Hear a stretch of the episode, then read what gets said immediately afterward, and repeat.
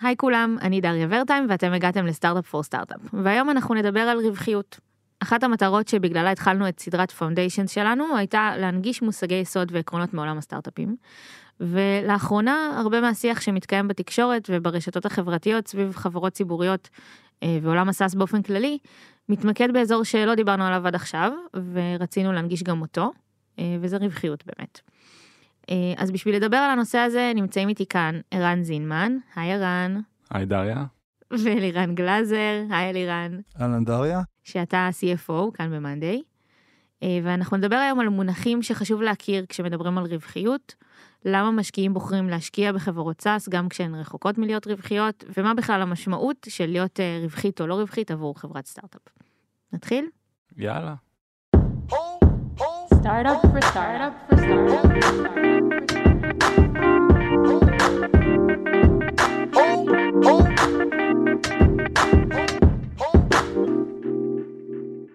אז אולי באמת ניתן קצת איזה קונטקסט של למה אנחנו מדברים על זה עכשיו, כי זה...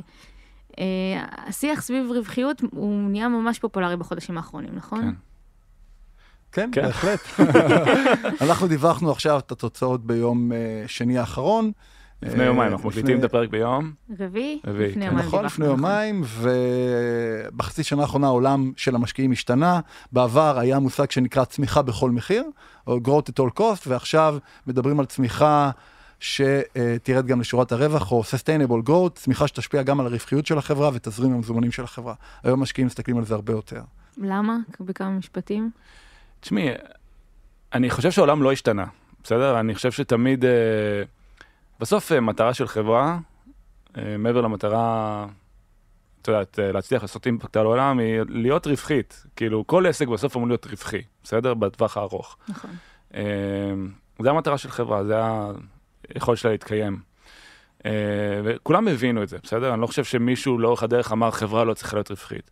אני חושב שפעלנו באיזושהי סביבה כלכלית, שלאט לאט משקיעים קצת שכחו מהדבר הזה, זאת אומרת, הם כן חשבו ש...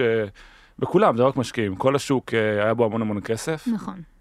אני חושב שהמון המון אה, משקיעים וקרנות ויזמים פעלו תחת ההנחה שבסוף הדברים יסתדרו, נשים את זה שנייה במרכאות. ובינתיים בוא נגדל כי יש פה הזדמנות אה, אדירה ויש לנו את המשאבים, כלומר את הכסף כדי לעשות את זה. זאת אומרת, הרווחיות היה משהו מאוד רחוק, לצורך העניין. כן, רחוק, סלאש, נסתדר בהמשך, סלאש, היה כל מיני דיבורים, כשנגיע לסקייל, אז כמובן שנהיה רווחיים, אין פה שום בעיה, כאילו, זה דברים שהסתדרו מעצמם. כן. אה, ואני חושב שאולי משהו שהשתנה בסנטימנט, מה שאלירן אמר, בגלל כל מה שקורה עכשיו בעולם, שהמשקיעים אמרו, אוקיי, הבנו, קצת נגררה לנו הסבלנות. אה, אולי אנחנו גם לא בדיוק אה, מאמינים לסיפור של עצמנו, שכל חברה לא יכולה להיות רווחית באותם שיעורי רווח. אה, ואנחנו רוצים לראות תוצאות יותר עכשיו, ולהבין כאילו איזה חברות כן יכולות יותר רווחיות, פחות רווחיות. אה, אז, אז ככה אני, אני מסתכל על זה. כן, אני רק אולי אדגיש שהיה פעם משבר הדוט קום בשנת 2000, שם החברות הציגו באמת מודלים שאף פעם לא היה ברור אם הם יהיו רווחיות בעתיד. לא, שם, אה. שם אני חושב, זה מצחיק, כל, אני חושב כל פעם באבולוציה מניחים את השלב הבא. אז הביאו אייבולס, אמרו כל עוד אנשים ייכנסו לאתר, את הנושא של הרווח, הכנסות, סליחה, נסדר בהמשך. מתישהו נרוויח מהם כסף. רק צריך, נכון. אה, רק צריך traction, רק צריך אנשים. כן, הסתדר ההכנסות. התפוצצה הבועה, עכשיו אה, כולם- לכולם יש הכנסות, ועכשיו פתאום אומרים, אמרו, נסתדר עם הרווחים. נכון? מסתבר שלא. לא, עכשיו יש חברות עם מודלים עסקיים אמיתיים, רק יש להם פרק זמן ארוך שלוקח להם להגיע לרווחיות, אבל יש הכנסות, יש צמיחה, ויש את העולם של חברות SaaS, שהשתנה מאוד בעשור האחרון. לא, ו- ובוא נגיד גם, אה, זה לא כזה פשוט להגיע לרווחיות. זה לא ברור מאליו, זה לא יסתדר בסוף, צריך להיות מאוד מוכוון לזה. יש המון חברות שלא בנויות להגיע לשם, זה אתגר. אז אנ- אנחנו נדבר גם אה, באמת, האם כל חברה יכולה בכלל להגיע לרווחיות. אה, בואו אולי לפני זה נדבר רגע על, על המונחים שאנחנו הולכים, אה, שהולכים ללוות אותנו לאורך הפרק, אוקיי? אז בעצם הדבר הראשון שאנחנו רוצים אה, לעשות בו סדר, זה ההבדל בין cash flow לפרופיטביליטי. כן. אני אמרתי, אני מעיד על עצמי, בסדר? לקח לי המון המון זמן להבין את הדברים האלה, ואני חושב שיש המון המון, אחד הדברים שמשגעים אותי, ואולי נתן לי מוטיבציה להקליט את הפרק הזה, בין היתר, זה אולי לעשות איזשהו סדר, אה, ולהסביר את המושגים, כי זה נורא נורא נורא מבלבל. אבל בוא נגיד, אה, מקור אחד לבלבול מאוד משמעותי שאני מוצא, גם בעיתון, גם איך שאנשים מסתכלים על חברות, זה ההבדל בין הפסד חשבונאי לבין cash flow, תזרים מזומנים. בין כן. תזרים מזומנים לבין רווחיות. כן. וזה שני דברים מאוד מאוד מאוד שונים. אוקיי, אז כש- מאוד שונים. ויש שיגידו, לדוגמה, שתזרים מזומנים הוא יותר חשוב מהפסד או רווח חשבונאי. ניתן דוגמה, את נתת דוגמה, ניתן דוגמה אחת, חברת וולמארט. חברת וולמארט זו חברה שאתם יודעים כמה זמן לקח לה להגיע להיות cash flow פוזיטיב? 34 שנים. וזו חברה שווה 350 מיליארד דולר, אבל היא הייתה רווחית אחרי שמונה שנים. אני תכף אסביר את ההבדל, שניכנס יותר לעומק. זהו, אז אז זה- בוא נגיד כן. תכלס מה ההבדל. אוקיי, אז אה, תראה, תזרים מזומנים, אני חושב שזה משהו מאוד אינטואיטיבי, אז זה קל להסביר את זה, בסדר? בסוף, אה, את יודעת, אה, אני שותף בסטארט-אפ, בהתחלה היה לנו מעט מאוד כסף, ואתה מחשב כמה כסף נשאר לך בשביל לחיות. כמה כסף יש לך בבנק, בבנק? בבנק, כן. כן. כאילו, אשכרה מזומן שאתה יכול אה, לקנות איתו דברים. שמאיפה הכסף. הזה יכול להגיע? נגיד גייסנו כסף ממשקיעים, מהמם. ואז אתה לאט לאט הכסף נאכל. אז אה, כשמסתכלים על כמות הכסף שהייתה לנו בתחילת תקופה, נגיד תחילת שנה, כמה כסף בבנק נשאר לנו בסוף התקופה, או בתחילת הרבעון, סוף הרבעון, זה תזרים מזומנים, בסדר? זאת אומרת, כמה בפועל כסף יש לך בחשבון בנק, בסדר? עכשיו, יש רבעונים שיוצא טיפה פחות, יש רבעונים שיוצא טיפה יותר, יש אה, שונות, אבל פחות או יותר יש איזשהו קצב של אה, מזומן שיש לך בבנק. שזה מגיע, זה יכול להגיע מהשקעות, בהמשך כשיש כבר ממש הכנסות לחברה, זה גם יכול להגיע ממכירות. כן. ו- אני הרבה, אתן, כן. אני אתן דוגמה קיצונית, חשוב להבין. חברה שמוכרת במודל של סאס, שגובה רק תשלום חודשי. נטפליקס לצורך העניין, לצורך העניין היא גובה, בואו נעשה את זה פשוט, עשרה דולר לחודש, משתמש אחד, כל חודש עשרה דולר, היא תקבל 120 דולר בסוף שנה. אבל לעובדים שלה היא משלמת משכורות כל חודש, נכון? אז יש פה הקבלה בין הגבייה החודשית לתשלום החודשי. מצד שני, חברה שמוכרת מנויים שנתיים בלבד וגובה הכל ב... ביום הראשון, היא גבתה ביום שהיא מכרה 120 דולר, 10 דולר כפול 12 חודשים, אבל היא משלמת לעובדים שלה כל על פני חודש. כל חודש. אז ביום הראשון, מבחינת התזרים, יש לה תזרים מאוד גדול, היא תהיה כל הזמן ביתרה חיובית. על נכון? פניו זה נראה שהולך לה יותר טוב מהחברה שגובה 10 דולר כן, בחודש. בדיוק. אמ, עכשיו, אוקיי, אז, אז זה תזרים מזומנים. זאת אומרת, כמה אשכרה כסף יש בבנק של החברה בכל רגע נתון, ומה הקצב של השריפה של הכסף הזה? אגב, הוא לפעמים גם יכול ומה לעלות. הכסף של, ה- ומה הכסף של הכניסה של הכסף הזה. כן, זה הכל, זה משקלל את כמה היה לך בתחילת התקופה, נכנס כסף, יצא כסף, מהמם. סוף התקופה. אשכרה כסף בבנק, אם זה שייך לסופר, לצורך העניין, ויקנו דברים. כן. אה, ואז יש הכנסות חשבונאיות והוצאות חשבונאיות, נכון. ומשם יוצא רווח או הפסד. מאוד מאוד שונה. ואנשים אה, לא מבינים, רגע, מה ההבדל? כאילו, יש את הכסף, ויש הכנסות והוצאות חשבוניות, למה זה לא אותו דבר? נכון, אז מה ההבדל? זה לא אותו דבר. זה מאוד מאוד מאוד לא אותו דבר. אז מה זה הכנסות והוצאות חשבוניות?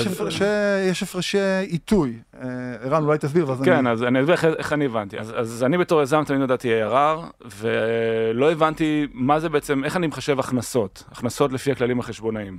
וזה מאוד מאוד שונה, בסדר? לצורך העניין, אתן את הדוגמה הכי הכי פשוטה, לנו בתור חברת SaaS, בסדר? או אפילו, אה, בוא נשתמש לא בדוגמה שלנו, אלא בדוגמה של חדר כושר, שלפעמים אני אוהב להשתמש בה. נכון, שהשתמשנו בפרקים קודמים. נכון. אגב, אולי זו הזדמנות להגיד, מי שכן רוצה לשמוע יותר על ARR, פרק 81, ההתחלה של הסדרה, אפשר לחזור לשם. נכון. אז נגיד אני חדר כושר, ומצטרף מתאמן חדש. עכשיו, אם המתאמן בא ואני נותן לו מבצע, אני אומר לו, תקשיב, תשלם עכשיו את כל השנה, מנוי נגיד עולה 100 שקל לחודש, תשלם את כל השנה עכשיו, אפילו תקבל הנחה, לא משנה מה. הוא נגיד משלם לי 1,100 שקל. אוקיי. אני מקבל כרגע את הכסף הזה מזומן, יש לך עכשיו 1,100 שקל. בתור uh, מכון כושר, לשנה מראש. לשנה מראש. לשנה אני מראש. יכול להשתמש בכסף הזה עכשיו, לשלם משכורות, ללכת לסופר וכולי, זה תזרים מזומנים. אוקיי. אבל כשאני בא לרואה חשבון שלי ואני אומר לו, טוב, בוא נכיר בהכנסות בחודש הזה, הוא אומר לי, תקשיב, המנוי הזה ששילם לך שנה מראש, אחלה שהוא שילם לך שנה מראש, תעשה מהכסף מה שאתה רוצה. אבל בתור רואה חשבון, אני יכול להכיר בהכנסה רק של החודש הזה. כי אתה יכול להכיר בהכנסה רק אחרי שסיפקת את השירות. רק של מה שנתת לו נכון. עד עכשיו. כן, בדיוק. זאת אומרת, הוא התאמן החודש, או לא משנה אפילו אם התאמן או לא התאמן. עבר החודש הזה, הוא קיבל את השירות ממכון הכושר, תכיר בהכנסה. ואז פתאום, הנה דוגמה אחת שמייצרת פער בין תזרים מזומנים, זאת אומרת, המזומן שיש לי עכשיו בתור מכון הכושר, אפילו שחתמתי איתו לשנה, הוא לא יכול לבטל, הוא לא יכול לעזוב, הוא הולך, אה, אני הולך להכיר בכל ההכנסות לאורך השנה, לא משנה מה, יישרף העולם, אבל בסדר? לצורך העניין, אם אתה ב- בסוף ינואר, אתה עכשיו יכול להכיר רק ב-120 שקל. 1 חלקי 12 בדיוק. מה, נכון. מהסכום שהוא שילם. ואז נוצר פער, בסדר? בין התזרים, כמה שאני מקבל מה, מהלקוח, לבין כמה שאני יכול להכיר. אבל איפה לא נוצר פער? בהוצאות. כי ההוצאות, לדוגמה, זה משכורות. אני נכון. שילמתי משכורת ל- למאמנים שלי, למכון כושר, ל- לפקידת הקבלה או לפקיד הקבלה. אז אני בעצם יכול להכיר, אני, אני כאילו צריך לרשום, א', הכסף יוצא לי מהכיס בשביל לשלם משכורת, נכון. וגם בדוח רווח הפסד. לא משנה אם יש לך עכשיו אלף, אה, 1,100 שקל ביד או 100 שקל ביד, כן, אתה זה לא עדיין... קשור להכנסות. בדיוק. שילמתי משכורת לאותם אה, עובדים, אה, אז א', יוצא לי הקאש, יוצא לי המזומן, וגם בדוח רווח הפסד, אני רושם את זה כהוצאה. ואז נראה שאתה בעצם בהפסד. ואז פתאום מסתכלים, אומרים, רגע, שילמת הכנסות 1 חלקי 12 מהלקוח, ההוצאות שלך נגיד היו 500 שקל, ההכנסות שאני יכול להכיר בהן הן 100, הופה, אתה הפסדי, מינוס 400. אני אומר, אבל רגע, אבל הלקוח שילם לי 1,100 שקל, הכל יש טוב, זה. כן. זו דוגמה מצוינת. אה, ו- ו- ואז נוצר פער, בסדר? המכון כושר זורם, יש לו כסף אה, להשקיע במכשירים יש חדשים. כסף גם לחודש הבא. יכול לעשות שיווק, אבל הדוח רווח הפסד, באותה נקודת זמן, נראה מאוד מאוד לא טוב. נכון. עכשיו, קחי את זה כדוגמה שיש לו אלף מנויים. אז פה נתנו דוגמה של מנוי אחד, קחי את זה, תכפילי את זה באלף, פתאום נהיה לך עומס מאוד גדול על הרווח והפסד. מצד אחד, אלף מנויים שילמו לך שנה מראש, בצד הכסף יש לך הרבה מאוד כסף מזומן. מיליון דולר, אלף כפול אלף, מיליון דולר. לצורך העניין, אני ככה יוצא מנקודת הנחה שמנוי משלם אלף דולר לשנה, יש לך אלף מנויים. עכשיו, יש לך את מכירה את המיליון דולר חלקי 12, אז כל חודש את מכירה 1 חלקי 12, ויש לך, לצורך העניין, 50 מאמנים שאת משלמת, להם- משלמת להם משכורות. אז בדוח החודשי שלך, של הרווח והפסד החשבונאי, כל חודש את תרשמי הפסד מאוד גדול. מצד שני, יש לך את המזומן לשלם להם את זה. זאת אומרת, יכול להיות שיש לי הרבה כסף בבנק, אבל זה ייראה שהחברה הפסדית. נכון. כן. עכשיו תראי, בן אדם שקורא את הכותרת הזאת, באמת, הוא לא מתעמק והוא חולף, זה נשמע כאילו החברה מדממת כסף, נכון. אוקיי? אני לא לא זוכר אם נתתי את הדוגמה הזאת פעם, אבל uh, אכלתי עם אבא שלי יום צהריים, אחרי שהנפקנו את החברה, והוא בא אליי, אומר, תקשיב, ערן, בחוץ. קראתי ב- בעיתון שאתם אה, הפסדתם uh, 200 מיליון דולר, ואני יודע שגייסתם רק 800, אז איך אתם מתכוונים להסתדר? כאילו, יואו. ואמרתי לו, תקשיב, אבא, אנחנו... יש לנו עכשיו יותר כסף ממה שהיה לנו בהנפקה, הכל בסדר, אנחנו לא בלחץ, כאילו, ו... אני אומר, רגע, אבל כאילו, זה באמת לא ברור, כאילו, ואנחנו עשינו פה אינסוף הדרכות גם לעובדים בחברה, וזה עדיין לא פשוט לה- להבין את זה, בסדר? כי יש פה עניינים חשבונאיים ויש פה עניינים תזרימיים, וזה, לפעמים כשרושמים הפסד, ואתה קורא את זה בעיתון, אתה לא מבין אם זה מזומן שירד לחברה, האם זה הפסד חשבונאי, כי המילה הפסד היא גנרית, אני יכול להפסיד מזומן ואני יכול להפסיד חשבונאית, אז כאילו צריך טיפה להתעמק בשביל להבין מה זה אומר. אז איך אתם עדיין מסבירים את זה שיש המון דיבורים על בועה שמתפוצצת, כן, כן, אוקיי, סבבה. והווליואציות יורדות, כאילו... סבבה, אז, אז שנייה כאילו רצינו, נראה לי כן. לעשות... אה, סדר קצת. סדר, כן. וזה מבלבל, גם, גם היום זה מבלבל הרבה מאוד אנשים אגב. כל הזמן זה מבלבל. לגמרי, השיח ב, בתקשורת, לא, לא רק לגבי מאנדי אגב, כאילו באופן כללי, נראה לי שלגבי הייטק יש עכשיו איזושהי אמירה ש, שזה, שהחברות הן בכלל הפסדיות, והבינו שזה... כן. אז רגע, גם בוא נהיה הגונים. יש חברות, וערן אמר את זה בתחילת הפודקאסט, שבעצם יש חברות שלעולם לא יגיעו לרווחיות, או לעולם המודל, המודל העסקי שלהם לא יהיה כזה שיוכיח את עצמו. כן. מה זה מודל עסקי שמוכיח את עצמו? בסוף, לא נגיד באינסוף, אבל אחרי כמה שנים, המשקיעים מצפים שתתחיל להיות גם רווחי, בנוסף לזה שאתה מייצר מזומנים.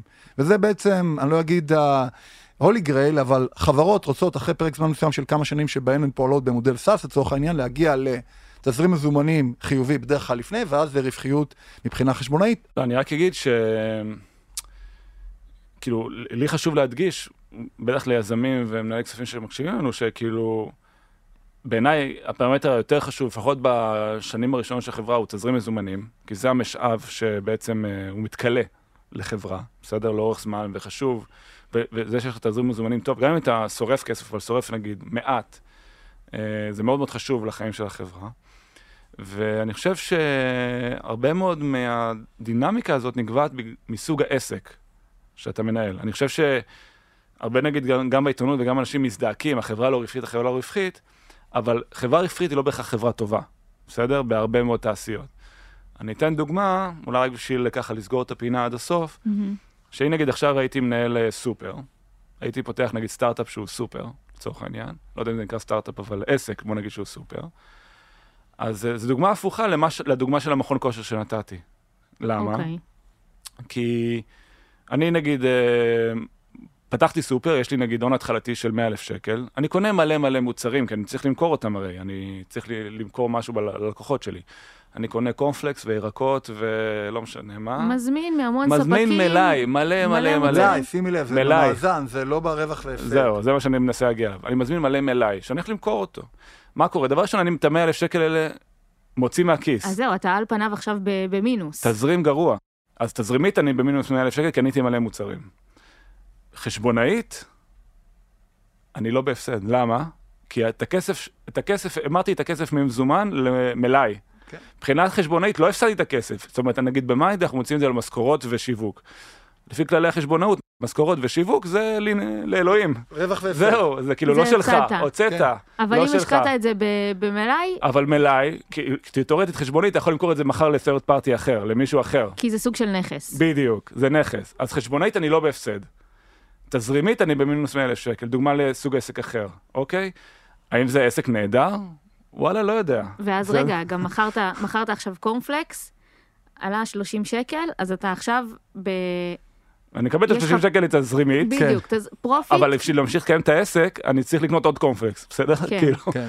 אז, אז אבל על נגיד, פניו נראה שיש לך עכשיו... אז הסופרים, נגיד וולמר, שזו דוגמה שהיא קצת משיקה לסופרים, הם מאוד מאוד רווחיים מ-day one, חשבונאית, תזרימית, הם בצרות תמיד. כן. דוחים תשלומים את הספקים, אין להם מזומן, הם הם מנסים להלוות כספים. פחות... אה, עד שמגיעים להסכם מסוים כמובן. כן. כי וולמרט בשנים הראשונות משקיעה בנדל"ן, שזה ב-30 סעיף שנים. מאזניה- ב- מאזני, משקיעה במלאי, אז בעצם ה-P&L שלהם, ההפסד שלהם, ההוצאות שלהם, לא לוקחות את כל ההוצאות האלה בחשבון, ולכן נראה שהם מוצאים פחות, כי הכסף מושקע בתוך העסק, דברים שהם מאזניים. אז זה, כן. זה בדיוק ההבדל בין סטארט-אפ לעסק, מבחינת אה, איך מסתכלים, איך בוחנים את ה... תראה, זה לא זה בכלל קשור. לטכנולוגיה, זה מודל כן, עסקי. זה- מודל זה אולי מה. שאנחנו מנסים להגיד פה. כן. מה שבאתי להגיד, כל הנקודה, זה שהמודל העסקי שלך מאוד מאוד מכתיב את המאזן. עכשיו, מה מבלבל פה? אני רוצה להגיד עוד משהו, דוגמה מההיסטוריה, סליחה שאני אה, מתפזר לעוד תעשיות וזה. אני חושב ש...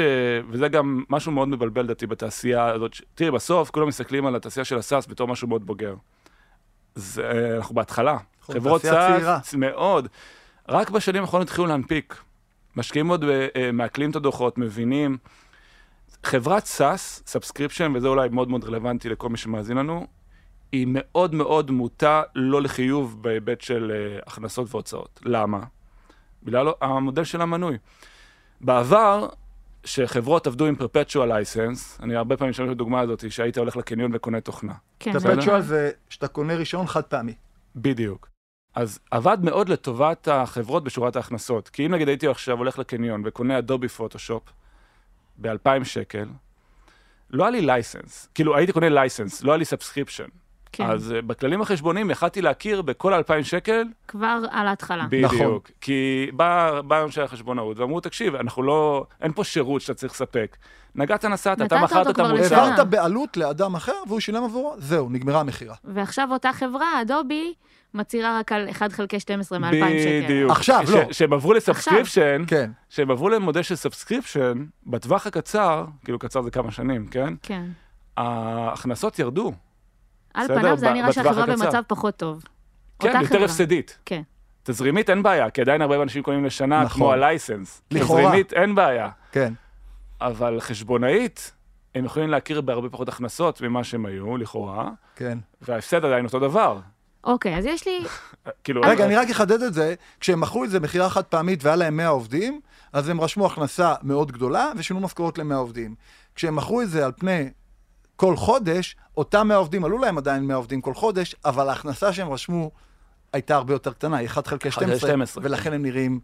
ועוד משהו הפסדים שלא כל לוקחים חודש. בחשבון כאן, זה שכשהם מכרו את זה בלייסנסינג, ב- ברישיון לשנה, בעצם אחרי שנה הם סוג של, ב- חזרו ל- ל- ל- לנקודה אפס, הם צריכים למכור מחדש את כל כל הרישיונות חודש, האלה. כל, כל מכירה היא מכירה אז חדשה. אפשר לשאול, כאילו, שוב, אנחנו חוזרים ליסוד של ה SaaS, אז מה נכון. היתרון במודל subscription, אם אני יכול להכיר 1 חלקי 12 מההכנסה?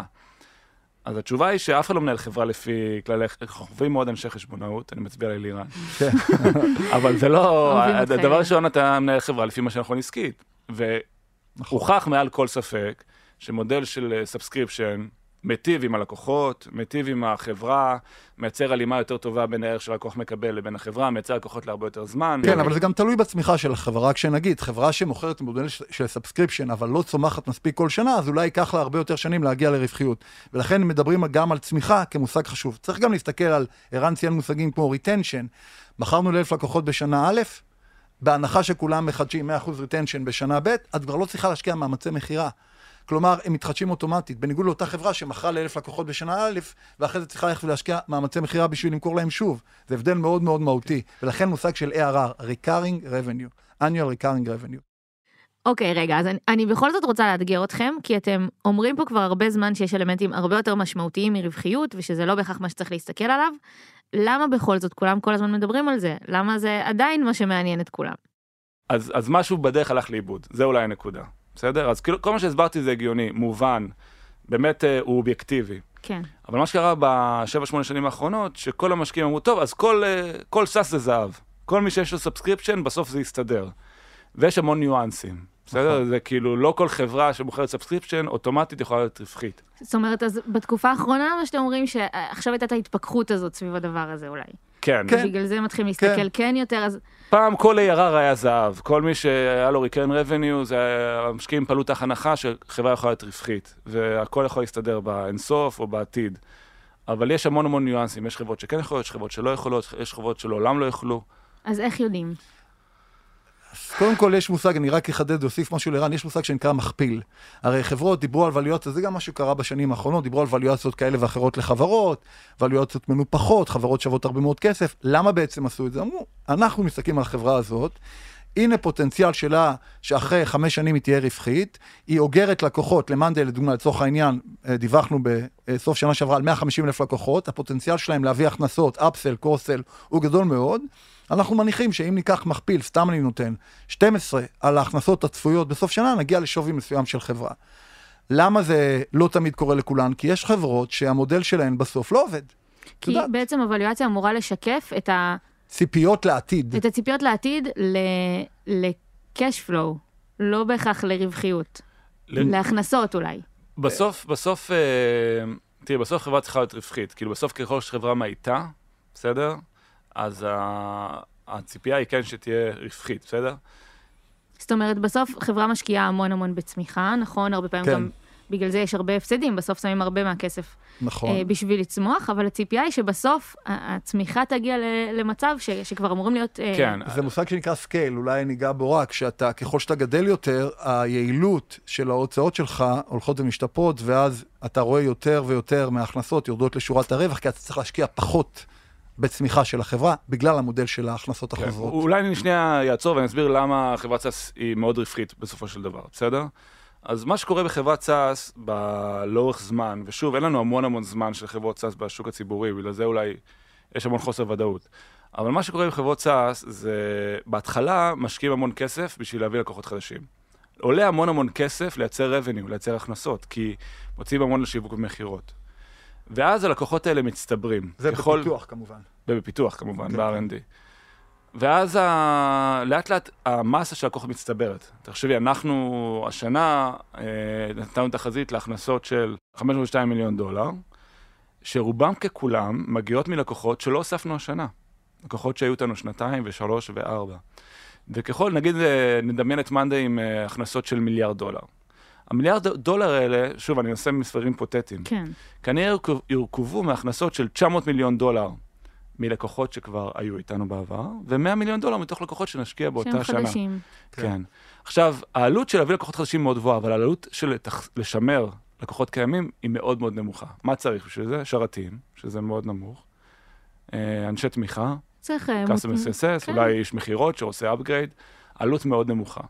וככל שהחלק של ההכנסות שלך, המרכיב המהותי ממנו הוא שייך ללקוחות קיימים ולא חדשים, החברה הופכת להיות הרבה הרבה יותר רווחית, כי ההוצאות של לתחזק את ה-revenue שהוא שייך ללקוחות קיימים, הן קטנות. אתה צריך לשים הח- פחות כסף בשביל לשמר. לשמור- לשמר את ה- את מה שקיים. בדיוק, אבל ככל שאתה עולה, החלק הזה הופך להיות מרכיב הרבה יותר משמעותי מההכנסות שלך. כן. בסדר? ואז חלק של ההוצאות שמשוייך אליו נכון, אם בהתחלה. היית צריך לשים אה, דולר אחד על אה, לשמר ותשעה דולר על צמיחה, לאט לאט המאזן הזה אמור להתהפך, ואתה יכול לשים תשע דולר למשל על, שימור, ודולר אחד על, צמיחה. כן. בדיוק. תמיד אה, להביא לקוחות חדשים זה הרבה יותר יקר מאשר לשמר לקוחות קיימים, בסדר? וזה המודל של סאס. אוקיי, אז דיברנו באמת על שחלק מהחברות לא יכולות להיות רווחיות. אז אחת, אחת מהשאלות שקיבלנו מהקהילה זה איזה רווחיות מהווה אינדיקציה טובה לחברה יציבה בעתיד, ואיזה הפסדיות היא, היא קיצונית מדי, ובעצם מעידה על, אה, אני יכולה להעיד, על כשל במודל. אני לא יודע אם נגיד עם, עם, עם מספר, אני אגיד לך איך אני חושב על זה, בסדר? אז, אז הסברנו למה חברת סאס יכולה להיות מאוד מאוד רווחית בעתיד. אבל uh, צריכים כמה דברים להתקיים במה שאמרתי, שהם לא מובנים מאליהם. נכון. דבר ראשון, אצלנו לדוגמה, עלות תחזוקה של לקוח או שימור לקוח היא, היא נמוכה. אבל יש חברות שעלות שימור לקוח מאוד מאוד גבוהה. למה? כי צריך אנשי professional services, צריך אנשים טכניים. זה מוצר שהוא פחות self-serve, פחות הלקוח מסתדר עם עצמו, יותר צריך תמיכה 24/7 מהחברה. ואז מה שאמרתי לגבי זה שעולה מעט מאוד לתחזק לקוח, לא מתקיים, עולה הרבה מאוד לתחזק לקוח. וזה חברה שאולי אף פעם לא תהיה רווחית, למרות שהיא subscription. זו כי דוגמה ההוצאות אחת. שלה ימשיכו כן. לגדול. גודל בדיוק. השוק, גודל השוק מאוד גודל השוק, משמעותי. נכון? אם אתה פועל בשוק של עשרות מיליארדי דולרים, גם אם יש לך נתח קטן מהשוק, אתה יכול להגיע למסה קריטית של מכירות. אם אתה פועל בשוק של מאות מיליוני דולרים, ואתה אפילו מספר אחת בשוק, ובסוף אתה מוגבל ל-200-300 מיליון דולר מכירות, נגיד 50% מהשוק, יש לך תקרה שאתה לא יכול, בעצם, תקרת זכוכית לצמיחה שלך. נכון, עוד משהו, שאני אגיד לך איזה חברה לא יכולה להיות רווחית, לדוגמה. דיברנו באחד מהפרקים על היסוד על net retention. זאת אומרת, אנחנו פה מניחים שלקוחות הישנים נשארים. מה קורה בסיטואציה שהם עוזבים? שיש נטישה מאוד יש גבוהה. נטישה. אם יש נטישה, אז uh, סבבה שעולה לי מעט מאוד לתחזק את הלקוחות הקיימים, אבל זה, ההכנסות כל הזמן יורדות. חברה שההכנסות כל הזמן יורדות צריכה להשקיע יותר בצמיחה, יותר ב marketing, בשביל לשמור איזושהי צמיחה נורמלית שהשוק לא יעניש אותה. חברה לא יכולה ללכת אחורה. זה משהו שידעתם לקחת בחשבון גם בשלבים המוקדמים יותר של החברה? כאילו, אני מנסה לחשוב עכשיו, אה, לא. אתה לומד תוך כדי תנועה, אבל, אבל אני רגע רוצה לחזור לשאלה שלך, איך יודעים מה זה כלל אצבע? כלל אצבע אומר, אנחנו נמצאים, כשעשינו את ההנפקה, נגיד, דיברנו על שלב הצמיחה של החברה, ואנחנו במאנדיי, בהייפר גורד כבר הרבה מאוד שנים, למעשה, מאז שהתחלנו למכור, אנחנו צומחים בצורה מאוד משמעותית כל שנה, ויש שלב של מה שנקרא מעבר לשלב הצמיחה. אז שלב הצמיחה זה בדרך כלל בין, אם אני אגיד, אה, אזור החמש עד שמונה שנים, זה כמובן יכול להשתנות. כן. אחרי התקופה הזאת מתחיל, מתחיל שלב הערך. שלב הערך, חברה בדרך כלל צומחת באזור, ניקח את אטלסיאן, 30 אחוז בשנה, אבל מייצרת, או 30 פלוס, ומייצרת תזרים מזומנים של 25 אחוז וצפונה, כלומר, מהמכירות שלה, וגם מייצרת רווחיות של 20 אחוז ומעבר לזה. זה שלב הערך, שזה משתנה כמובן, יכול להיות וולטילי, אבל תחשבי, 30 אחוז צמיחה, 25 אחוז רווחיות או תזרים. זה איזשהו בגדול. בנצ'מרק כללי שמסתכלים כן, עליו. וזה, וזה קומפאונדד, כי כשאתה צומח 30 אחוז שנה אחרי שנה, אז אתה בעצם צומח על בסיס שהולך וגדל. אבל בשלבים מוקדמים יותר, אני מניחה שאין לזה בנצ'מרקים, כי, כי אז כן. באמת... אין חברה סוג, את אומרת מה ההפסדים, תלוי מאוד בשוק שאתה פועל בו, בכמות האנשים שאתה מביא, בכסף שיש לך, זה משהו מאוד uh, משתנה. ב- בסוף זה לא rocket science, בסדר? אני חושב שזה פחות המספרים שהם אינדיקטיביים, אלא מהות המוצר והחברה. כמו שלירן אמר, לראות שיש אפשרות לצמוח, לראות שלא עולה המון בשביל לשמר לקוח, לראות שלקוחות לא נוטשים בקצב גבוה, כי אז זה אומר שאנחנו כל הזמן יש לנו ליקי בקט, והחברה לא יכולה להגיע לרווחיות, כי היא לא יכולה להישען על הלקוחות הקיימים שלה בתחזוקה נמוכה. יש, ויש היום המון חברות סאס שנמצאות בבעיה סביב המקום הזה, בסדר? כאילו, אה, ש, ש, ואז המשקיעים באים ואומרים, תקשיבו, לדעתנו החברה הזאת, יש פה אתגר, היא לא בהכרח יכולה להיות רווחית, בסדר? אני חושב זאת שגם... אומרת, ההפסדים יכולים להיות אה, לגיטימיים, אבל הם צריכים to make sense ברמה העסקית של כמות ההפסדים שאתה, ש, שהחברה לוקחת על עצמה, כאילו כמות כן. הכסף שהיא מוכנה לשים בשביל הצמיחה של כן. יש מושג שנקרא path to profitability, או דרך לרווחיות. בוא תראה לי שלאורך זמן אתה יודע לצמוח, אבל גם לאורך זמן אתה יודע לתרגם את הצמיחה הזאת בהכנסות לשיפור הרווחיות שלך. הקטנת ההפסד לאורך זמן, ואז להתחיל להיות רווחי. שזה משהו שמושג שהרבה מאוד עכשיו בכל השיחות, בשנים האחרונות היה פחות, היום מדברים על זה יותר. לא רק תראה לי צמיחה, אלא תראה לי גם איך אתה מתרגם את זה לדרך לרווחיות. מתי תהיה רווחי? מתי תצא, תייצר תזרים מזומנים חיובי? אז אלה שאלות שנשאלות עכשיו בכל השיחות כן, עם מקבלים את זה האנליסטים. המון המון ממשקיעים, כן. המון. אני חושב שמשהו להוסיף לערן, אמנם אני איש הכספים, product. אתה יודע, את, אה, בסוף, חברה שתהיה רווחית, יש לה גם מוצר מנצח. כל הזמן צריך להשקיע ב product הזה, ומה התחרות שלו, וזה דבר שהוא מאוד משמעותי, כי גם יש לך קילר אפ ב-day one, יכול להיות שיהיה תחרות, אז אתה כל הזמן צריך לתחזק את המוצר זה שלך. מתרגם בסוף לנטישה של לקוחות, נכון, חוסר... נכון. אה, כן, אבל אני מסכים, זה כאילו יש המון מרכיבים. זאת אומרת, לראות מאוד באיזה שוק אתה פועל. אה, כן, אז תראה, אז, אז איזה, איזה חברות נגיד, אה, לדעתי יש להם אתגר סביב הנושא של רווחיות, או הייתי שם לב, או מנסה לתקן. דבר ראשון, אם באמת עולה לך המון לתחזק לקוח, בסדר? אם צריך לשים צוות של מומחים, של engineers, של professional services, כי המוצר הוא לא מספיק self-serve, זאת אומרת, הלקוח לא יכול לתפעל אותו בעצמו, אלא צריך צבא של אנשים בחברה, שאתה צריך הרבה יותר עובדים. המון עובדים, וזו עלות מטורפת. ויש המון מוצרים היום בשוק, מוצרי סאס, שהחברה משקיעה המון משאבים בשביל שלקוח ימשיך להישאר לקוח. לא רק customer success, ממש אנשי מקצוע, מהנדסים. זה נגיד סוג אחד שהוא מאוד מאתגר, כאילו להפוך שם להיות רווחי, כי ההוצאות של השימור מאוד גבוהות. עוד, עוד, עוד חברות שיכולות להיות מאתגרות, זה חברות שהן על גבול ה consumer או SMBs. למה? כי שמה אה, יש נטישה מאוד גבוהה של לקוחות, או ה-NDR, ה-Net Dollar Retention הוא נגיד 100%. אפילו אין צמיחה ב, בבסיס הקיים. מה הכוונה? למה? זאת, זאת אומרת, כי אין להם לאן להתרחב, או ש... אה, once קנית זהו, כאילו, אתה לא יכול לשדרג בתור לקוח, Mm. או שיש נטישה מאוד מאוד מסיבית של אה, לקוחות. ובחברה כזאת היא צריכה עדיין להשקיע המון משאבים בשיווק כדי לצמוח. וכשאתה צריך להשקיע המון משאבים בשיווק כדי לצמוח, יהיה לך מאוד מאוד קשה להיות רווחי, כי העלות של השיווק היא מאוד מאוד גבוהה, ואתה נמצא כל הזמן בלחץ כזה, שמצד אחד צריך להציג צמיחה לשוק, כי לאף אחד לא אכפת אם אתה רווחי, אם אתה הולך אחורה, אז אתה מתמכר להוצאות השיווק. מצד שני, על בסיס הקיים לא מתחזק אותך. ואם עולה הלקוחות- לך כל הזמן יותר כסף להביא עוד לקוחות, אז כן, אתה לא תצליח. וזה חברה שגם יהיה לה כן. מאוד קשה להיות רווחית. אה, שתי חברות לדוגמה שהצהירו כשהן יצאו להנפקה שיהיה להן קשה מאוד להגיע לרווחיות, הן בעצמן אמרו את זה, זה שתי חברות כמו אובר וליפט, חברות B2C בעולמות של הסעות.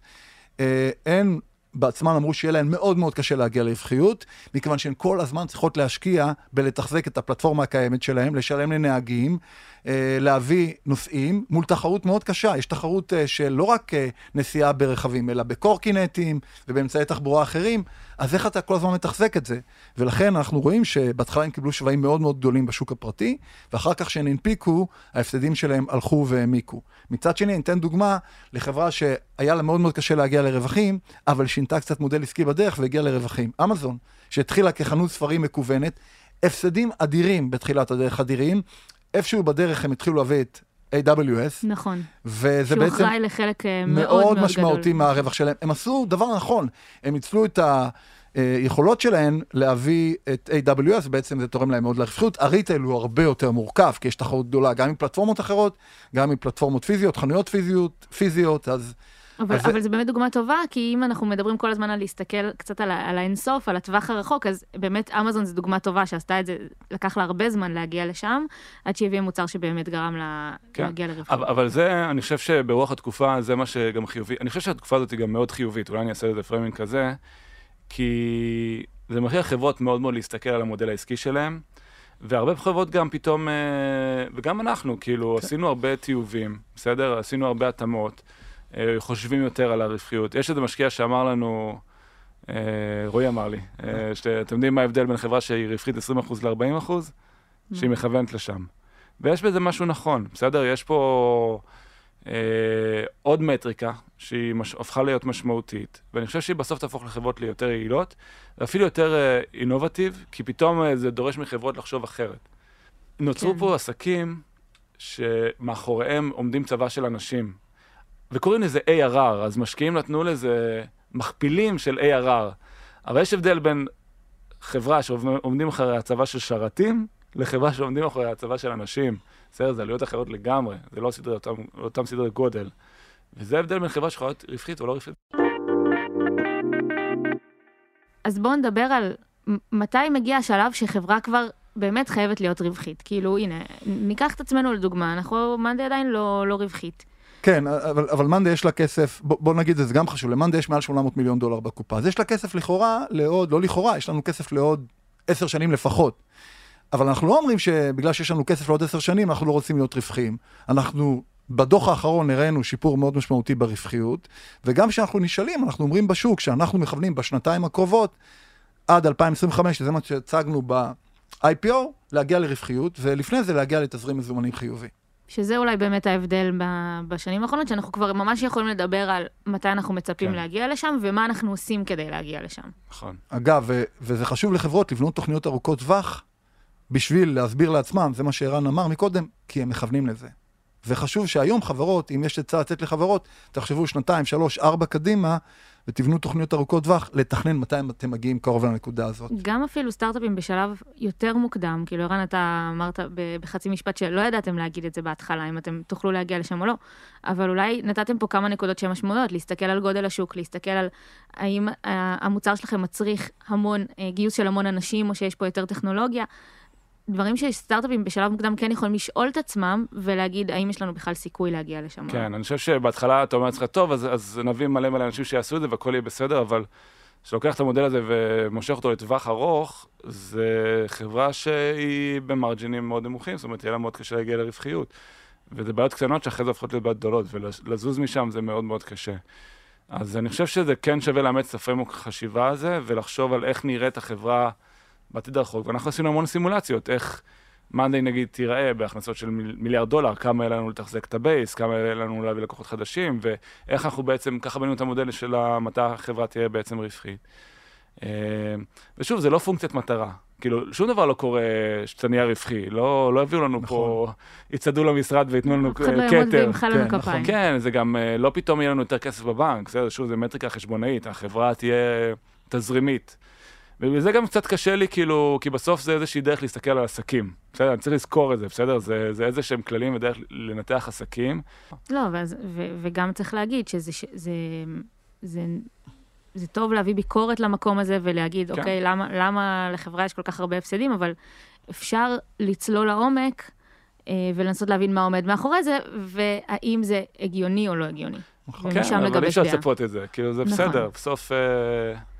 חברה לא... צריכה להוכיח, נכון. בוא נגיד. תראה, אני לא רוצה להיות ציני, אם תשאלי יזמים, רוב היזמים שעבדתי איתם, למה הם הקימו את החברה? כי הם אמרו, אנחנו רוצים לשנות את העולם, אנחנו רוצים לעשות משהו טוב. אף אחד לא אמר, אני רוצה להקים חברה שתהיה רווחית בעוד כמה שנים. אם תשאלי פרופסור באוניברסיטה או תלמידי תואר שני, מה זה אומר חברה טובה? זאת חברה שהיא רווחית ומייצרת מזומנים. אז לא נהיה ציניים, אנחנו רוצים גם לעשות דברים שישנו את העולם, אבל גם בסוף יש לנו התחייבות למשקיעים שלנו, לעובדים שלנו, לעצמנו, אנחנו רוצים ליצור חברה שהיא תהיה טובה, גם. אבל חברה ש... אבל זה די אותו דבר, כן? כי בסוף, אה, אתה יודע, אני רוצה שחברה תצליח ותשרוד להמון המון שנים, נכון. וכדי לעשות את זה צריך להיות... לייצר מזומנים, לייצר נכון. ערך, ולהיות רווחי גם בטווח הארוך. בהחלט. אני חושב שזה הולך יד ביד. אה, לחלוטין. אני רוצה שניגע בשני מושגים חשובים שלא דיברנו עליהם עד עכשיו, וכן חשוב שנדבר עליהם רגע, וזה GAAP ו non-GAAP. אה, אם, אם אה, חלק מהמאזינים כן קוראים דוחות אה, של חברות ציבוריות, זה, זה מושגים שנתקלים בהם. אני אמרתי לכם את זה אתמול, אני מצאתי את עצמי מגגלת את המונח הזה, כן. ממש אחרי שמאנדי פרסמה את הדוחות, אז בואו נדבר רגע, כי זה גם חשוב לה, להבנה של, של כל הנושא הזה של רווחיות. GAAP זה כללי חשבונאות מקובלים, non-GAAP זה כללי חשבונאות מקובלים שמבצעים עליהם התאמות. ההתאמה העיקרית, והרבה פעמים רואים את ההבדלים, זה בנושא של תשלומים בגין אופציות ומניות לעובדים, מה שנקרא share based compensation. רגע, אז עכשיו בעברית, שנייה. GAAP זה מה שחברות מדווחות עליו, נכון? נכון. ל... בדוחות. בדוחות הכספיים. שמה הוא כולל? הוא כולל את כל ההכנסות של החברה, את ההוצאות של החברה, את כל ההוצאות, כולל הוצאות בגין אופציות ומניות לעובדים, וכולל הוצאות אחרות שב non-GAAP לפעמים לא, לא נכללות. וזה איזשהו... אני אגיד את זה מהפרספקטיבה שלי רק, אה, להשלים את זה. GAAP זה ה template ש... כאילו, מצפים ממך לדווח, דיווח מלא. גנרי לכל החברות. non-GAAP זה, אתה אומר בתור חברה, אני, אוקיי, אז אני אדווח כמו שרציתם, אני עושה איזה התאמה קטנה עם כוכבית. אותם סעיפים, אותו דבר, רק אני עושה איזושהי התאמה. או תוספות שלנו. כי לדעתי, אם אני אדווח את זה כמו ב template, משהו ילך לאיבוד, או תבינו נתון לא נכון, וחשוב לי להפריד נגיד בין שני דברים. אני אגיד disclaimer קטן, צריך לדווח GAAP, ה non-GAAP בעצם אומר, זה ההוצאות וההכנסות שהן קשורות לפעילות העסקית. בדרך כלל כשעושים התאמה לנון גאפ, זה מנטרלים סעיפים כמו, כשאני אומר תגבול לעובדים, שגם על זה אגב יש דעות שונות, זה משהו לא ביום-יום של הפעילות העסקית, לא קשור להכנסות ולהוצאות, אלא שזה תגבול שמשמר עובדים בארגון באמצעות קומפנסציה. מניות. כן, כן. קומפנסציה אבל באמצעות מניות, לא קומפנסציה באמצעות מזומנים. עכשיו, יש דעות שאומרות, אנחנו רוצים לדעת גם את זה. אתה למשקיע חייב לתת גילוי נאות על הכל, ולכן חשוב לתת את ההתאמה הזאת. ואת רואה GAAP, non-GAAP, ואת ההתאמות שמתבצעות. נותנים לזה גילוי מלא. מה זה הראשי תיבות של GAAP? General Accounting General Accepted Accounting Principles. Principles. אוקיי, שבאמת המטרה היא ש, שיהיו איזה שהם תנאים שהם אה, רלוונטיים לכל הח, החברות, Template. כדי, ש, כן, כן. כדי כן. שנוכל להשוות שפה ביניהם. אחת לכל הדוחות יש גם. להשוות בין חברות. משווים בין סופר למאנדיי, לאמזון, לחדר כושר. יש? גם, יש גם IFRS ו non-IFRS, שזה אותו דבר, זה תקינה אירופאית מול תקינה אמריקאית, אבל זה אותו דבר. ולמה זה כל כך אה, משמעותי שנדווח גם על ה non-GAAP? אה, אז תראי, אז אחד, אוקיי, אז, אז בדרך כלל, שוב, אני אומר בדרך כלל, כי כל חברה היא שונה, חברות SaaS, כמונו, מדווחות GAAP, יש רק סעיף אחד, אולי עוד מעט דברים, אבל בעיקר, בעיקר, בעיקר, זה רק סעיף אחד, שהוא אופציות ומניות שמקצים לעובדים. ויש כי זה עלות. המון כסף. כן. המון כסף.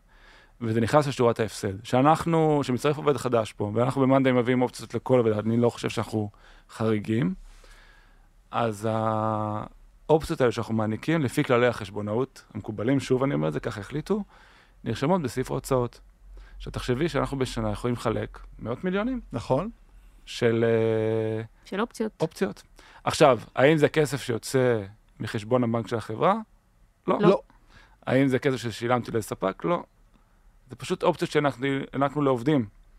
אבל אז אתה לא יכול לדעת, אם נגיד לא היינו מדווחים נון גאפ, בסעיפי ההוצאות, האם החברה השתפרה בהוצאות של התפעול של העסק, אבל הצטרפו יותר עובדים, ושילמתם, הענקתם יותר אופציות, ובגלל זה הסעיף של ההוצאות העמיק. התנפח. כן. או שהחברה נהייתה פחות יעילה וצירפתי רק 100 עובדים, ובגלל זה, זה אנחנו רוצים לעשות גם את ההפרדה הזאת, להפריד בין התפעול של העסק לבין קומפנסציה שנותנים לעובדים. אבל, אבל אני רק אגיד אולי, ושוב, יכולנו להקליט על זה סדרה שלמה, בדיוק. יש על זה המון ביקורת היום, על הנושא הזה. בגלל שגם הוולואציה כן, כי זה משפיע חברות... אה, בסוף. לא, דבר ראשון, תראי, זה ביקורת בהמון המון רבדים. זה החל מביקורת של אה, משקיעים שאומרים, תקשיבו חבר'ה, אתם משלמים יותר מדי לעובדים. כי אומרים, אה, נגיד, ניקח עובד בארצות הברית, מהנדס, אתה יכול לשלם לו 250 אלף דולר משכורת שנתית, ועוד אופציות 300-400 אלף דולר. אומרים, רגע, חבר'ה, בואו שנייה נעצור את החגיגה, GAAP non-GAAP, בסוף כאילו, בן אדם כאילו מקבל את הכסף ואנחנו מדוללים. נכון. אה, במניות. וב', תחשבי על מה שאמרתי לך, אפשר לשחק עם זה. נגיד אני, יש הבדל, אם אני נותן, נגיד, אה, לך, דריה, נגיד, משכורת, אה, נגיד את מקבלת משכורת של 100 אלף דולר, ואני אומר לך, 400 אלף דולר אני אתן לך במניות, או 300 אלף דולר משכורת ו-200 אלף דולר במניות. כן. המשכורת תירשם בהפסד, וכאילו המניות נרשמות ב non-GAAP. את בסוף מקבלת די אותה קומפנסציה, כמעט את אותו כן. שווי, כן. אבל זה, אפשר לשחק עם זה. מאוד משמעותי לדוחות, ואנחנו כן. רוצים להיות, כל החברות רוצות להיות שקופות לחלוטין, זה גם הכללים שכולם משחקים לפיהם. משהו שאתם רוצים אה, לסיים איתו, שחשוב אה, להגיד בנושא הזה. אני, אני אגיד אולי אה, מהפרספקטיבה שלי, אני חושב ש... תשמעי, אני חושב שכל ההייטק עכשיו עובר איזושהי טלטלה, במיוחד חברות SaaS, B2B, uh, growth companies. בגדול, אה, את יודעת, מעבר לזה שאני מאמין שגם זה מקרו-כלכלי והכלכלה תתאושש וכולי, אני חושב שזה עושה טוב לתעשייה. זה גורם לחברות להתייעל, זה גורם לחברות uh, לחשוב לונג טרם, לחשוב על רווחיות. בסוף יש היגיון מאחורי הכללים האלה, יש להם המון יתרונות. Uh, וגם אם חברה תעבור לשם בתהליך, רק החשיבה על זה ולהבין איך מגיעים לשם, אני חושב שזה משהו שגם בסוף מיטיב עם העסק. אז אני חושב שכל התקופה הזאת מאוד תבגר אותנו, תייצר חברות טובות יותר, יותר עמידות, uh, גם היזמים עכשיו שמתחילים חברות, חושבים על הדברים האלה. אז מכל ההיבטים אני חושב שזה מאוד מאוד משמעותי. אני רק אוסיף, אני מאוד מסכים עם מה שרן אמר, רק אוסיף שכשאתם קוראים דוח או כותרת בעיתון, תנסו להבין כאילו לפעמים את הניואנסים שיש. אני לא מצפה וגם לא רוצה להיות ציני, כי בסוף חברות כן רוצות להרוויח והכותרות הן לפעמים כאלה ואחרות. תנסו להבין, להבין, להבין את ההבדלים ואת הניואנסים, ואז זה נראה אחרת. אז אה, רגע לפני שנסיים, אני אזכיר שאם יש לכם שאלות, אתם מוזמנים לשאול אותם בקהילת הפייסבוק שלנו או באתר, ואם אתם רוצים לדעת כל פעם שיוצא פרק חדש, אתם מוזמנים לעקוב אחרינו בכל אפליקציה. אז תודה, ערן. תודה, דריה. תודה, אלירן. תודה, דריה. תודה שהאזנתם. Startup